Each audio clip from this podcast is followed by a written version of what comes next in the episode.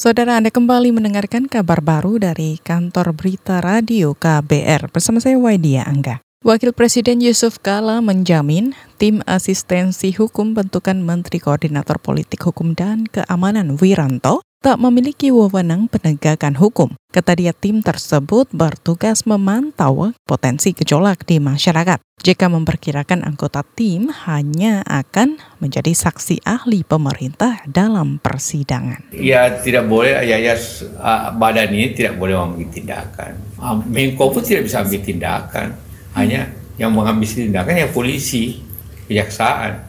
Jadi ini lembaga pemantau ada gejolak masyarakat kalau mengambil tindakannya tidak boleh melanggar undang-undang. Wapres Yusuf Kala mengakui masukan dari tim asistensi bisa saja memengaruhi kebijakan pemerintah. Jika membantah, pembentukan tim asistensi akan mengembalikan model pemerintahan Orde Baru yang anti kritik.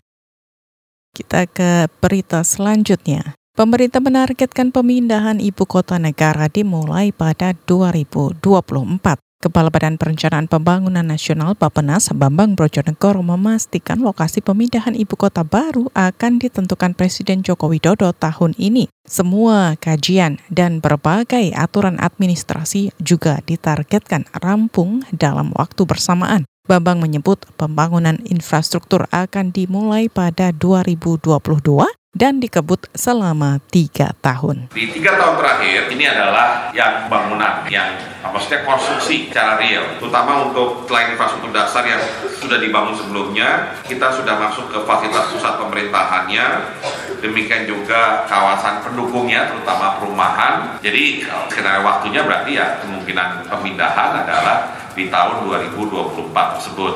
Ini kan mekanisme pemindahan juga harus dipikirkan. Ada berbagai cara. Ada yang pemindahannya sekaligus, tapi ada juga yang bertahap. Kepala Bapenas Bambang Brojonegoro menambahkan, pemerintah selanjutnya perlu menarik investor maupun BUMN untuk ikut membangun ibu kota negara baru agar tak membebani APBN. Pasalnya ongkos pemindahan ibu kota diperkirakan mencapai lebih dari 460 triliun rupiah.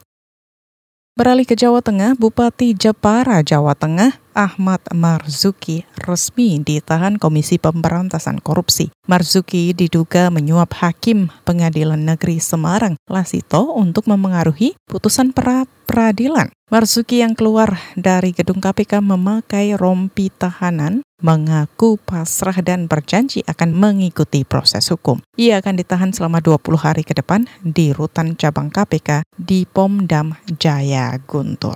Kita sebagai warga negara yang taat akan peraturan perundang-undangan, ya kita uh, mengikuti proses yang ada.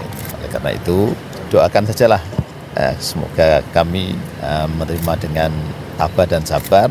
Apalagi saya, Wong Nabi Yusuf aja dihukum. ya, terima kasih. Sebelumnya Ahmad Marzuki telah diperiksa sebagai tersangka sebanyak lima kali. Marzuki diduga memberi suap Hakim PN Semarang Lasito 700 juta rupiah. Suap ini untuk mengabulkan gugatan pra peradilan. Marzuki terkait penetapannya sebagai tersangka korupsi dana bantuan Parpol Kabupaten Jepara.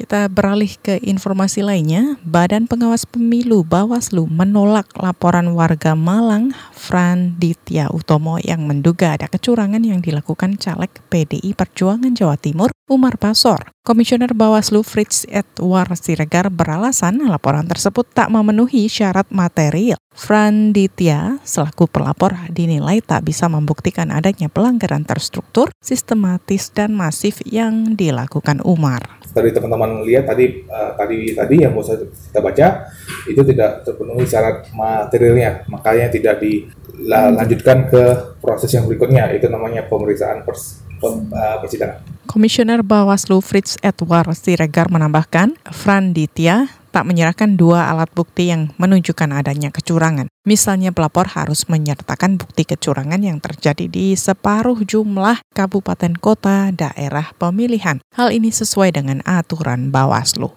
Saudara demikian kabar baru dari KPR saya Waidia Angga.